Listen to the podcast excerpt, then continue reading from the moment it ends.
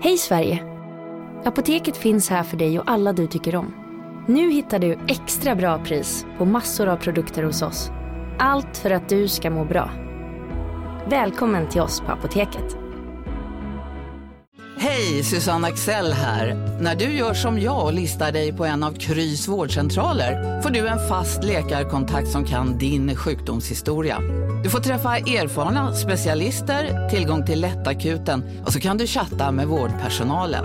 Så gör ditt viktigaste val idag, listar dig hos Kry. Ska några små tassar flytta in hos dig? Hos Trygg Hansa får din valp eller kattunge 25% rabatt på försäkringen första året. Läs mer och teckna djurförsäkringen på trygghansa.se. Trygg Hansa, trygghet för livet.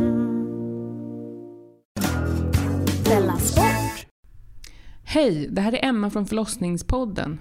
Nu ska du få höra ett smakprov av det senaste avsnittet från Delamond. Men han är 30 år när han blir ingenjör då, och börjar jobba på Skanska, som är, eller, ja, det är ett byggföretag.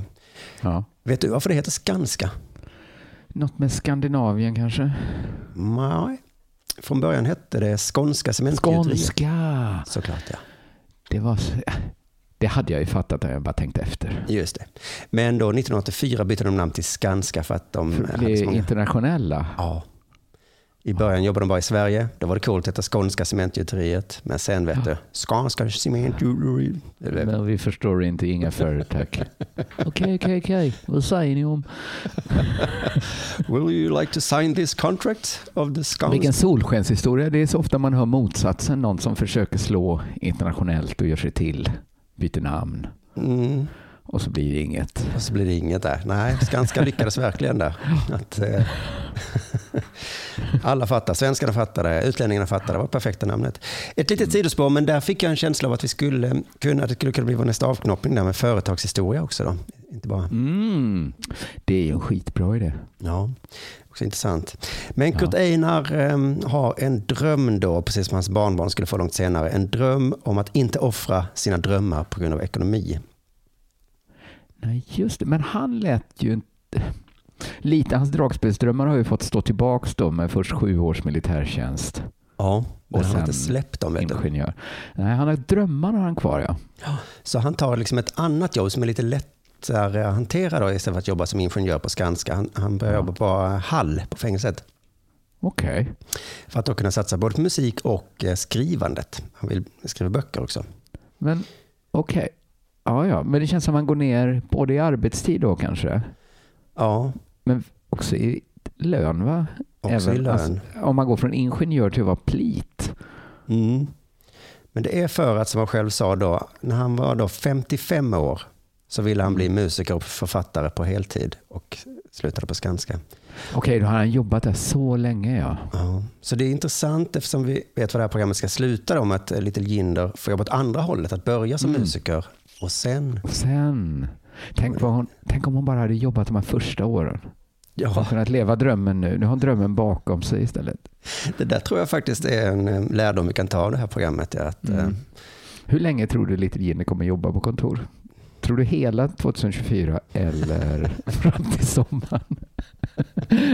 ja, hon antydde ju i den där krönikan att hon eh, inte stod ut, så att det är Mm. möjligt att det avbryts då. Men han skrev en massa böcker. Då. Första kom ut 1980 när han var 50 år och sista boken 2009 när han var 89 år. Ja. Och eh, det blev Och väl vad var det för böcker böcker han handlade? Vad skrev han för eh, poet, eh, skönlitterär? Skönlitterära romaner. Ja. Jaha. Ehm, precis, Kurt Einar Jönsson då, Little Jinders morfar. Ehm, han skriver också, eller vad säger jag, spelar massa instrument. Han, han bygger också egna instrument. Han spelar durspel, känner du till det? Jag har hört det, men jag kan inte få inte upp någon bild nu vad durspel är. Det är ett litet dragspel jag har sett på bild. Men, eh, Det är sånt som Katten Jansson har, som man bara drar. nej, det har knappar och grejer. Ja, okej. Mm. Eh, munspel och träskofiol spelar han också. Man byggde inte munspel va? Nej, han byggde nog inte munspel. Nej, men Han kanske träskofiol. Det har ju med saken att göra förstås då ja. Just det. Träskofiol, eh, vet, känner du till det instrumentet?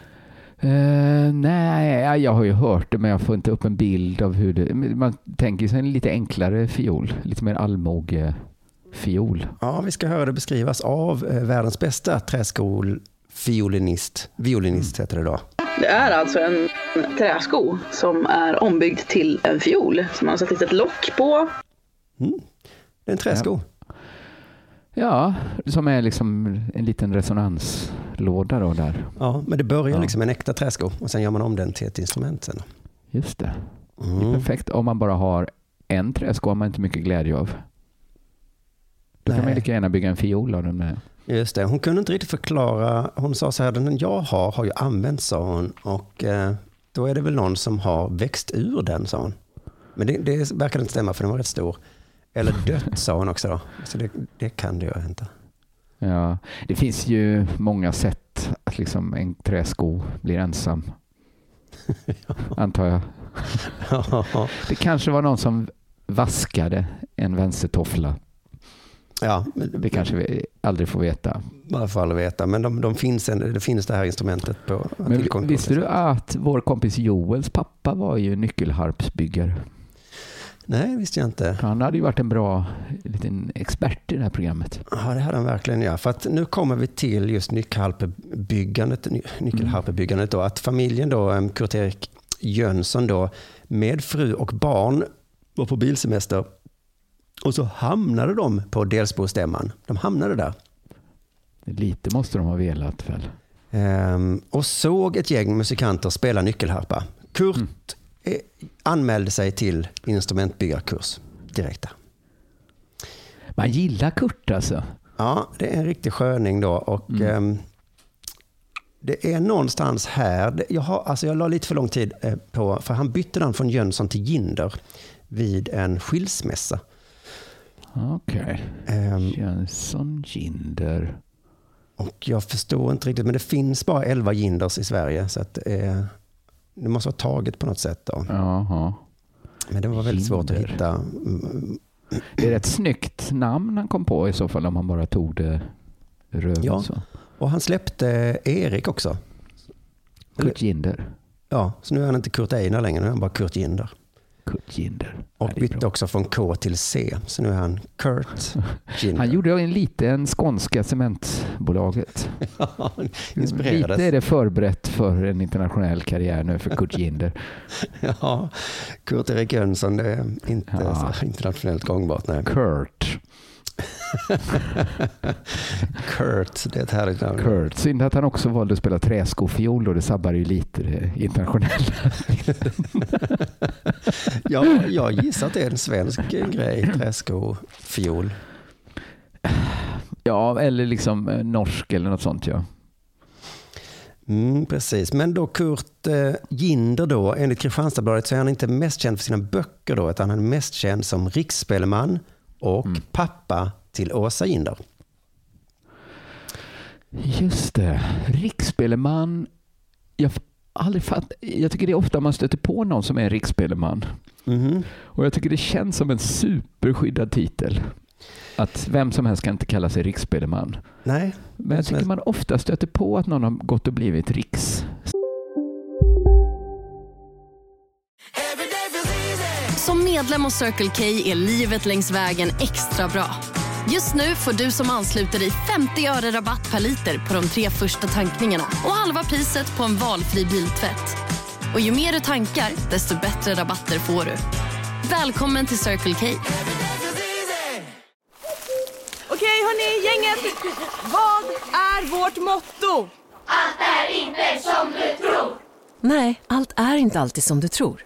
Nu täcker vårt nät 99,3 procent av Sveriges befolkning baserat på röstteckning och folkbokföringsadress.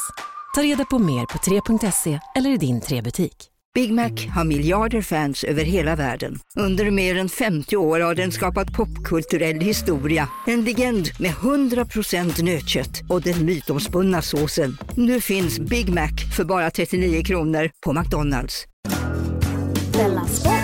Speleman. Ja, den- Den, det kan inte jag hålla med om, jag har nog aldrig sprungit på en. Men däremot Alex pratade med häromdagen, då sa han att hans kompis var riksspeleman. Ja, då får vi, Eh. har vi ytterligare en expert att ta in sen. Och vad fan det är frågan om. Men då fick jag kolla upp vad det är då exakt. Då, och då eh, gjort det här, vet ja. inte riktigt var jag hittade den här beskrivningen, men det står det så här. Rent konkret betyder det att man spelat upp för spelat upp tre eller fyra låtar för en mycket kompetent och synnerligen kritisk jury. Aha, så det är liksom... eh, Det är ett nålsöga ändå man ska igenom. Jag vet inte liksom hur man får till stånd det här uppspelningstillfället, men när man väl fått det så gäller det att vara jävligt bra då. Ja, ja, men det finns väl säkert någon organisation då. Eh, Och då, om man får bli godkänd där så får man ett silvermärke designat av Anders Zorn, eh, som Oj, kallas ja. för Zornmärket. Så det får alla som är riksspelmän. Då. Zornborgarmärket. Ja, Mm. ja, ja. Precis. Kurt eh, Ginder fick fem barn med Astrid Edström. Mm. Jag vet inte vad de fyra andra barnen heter, men ett heter då Åsa Ginder. Mm, mm. Ehm, så um, Jönsson och Edström blev Ginder där på något sätt. Ja, Ja, för både Åsa och Little heter ju Ginder sen efter det. exakt. Känner du till Åsa Ginder? Ja, eh, hon kanske också var riksspeleman. Ja.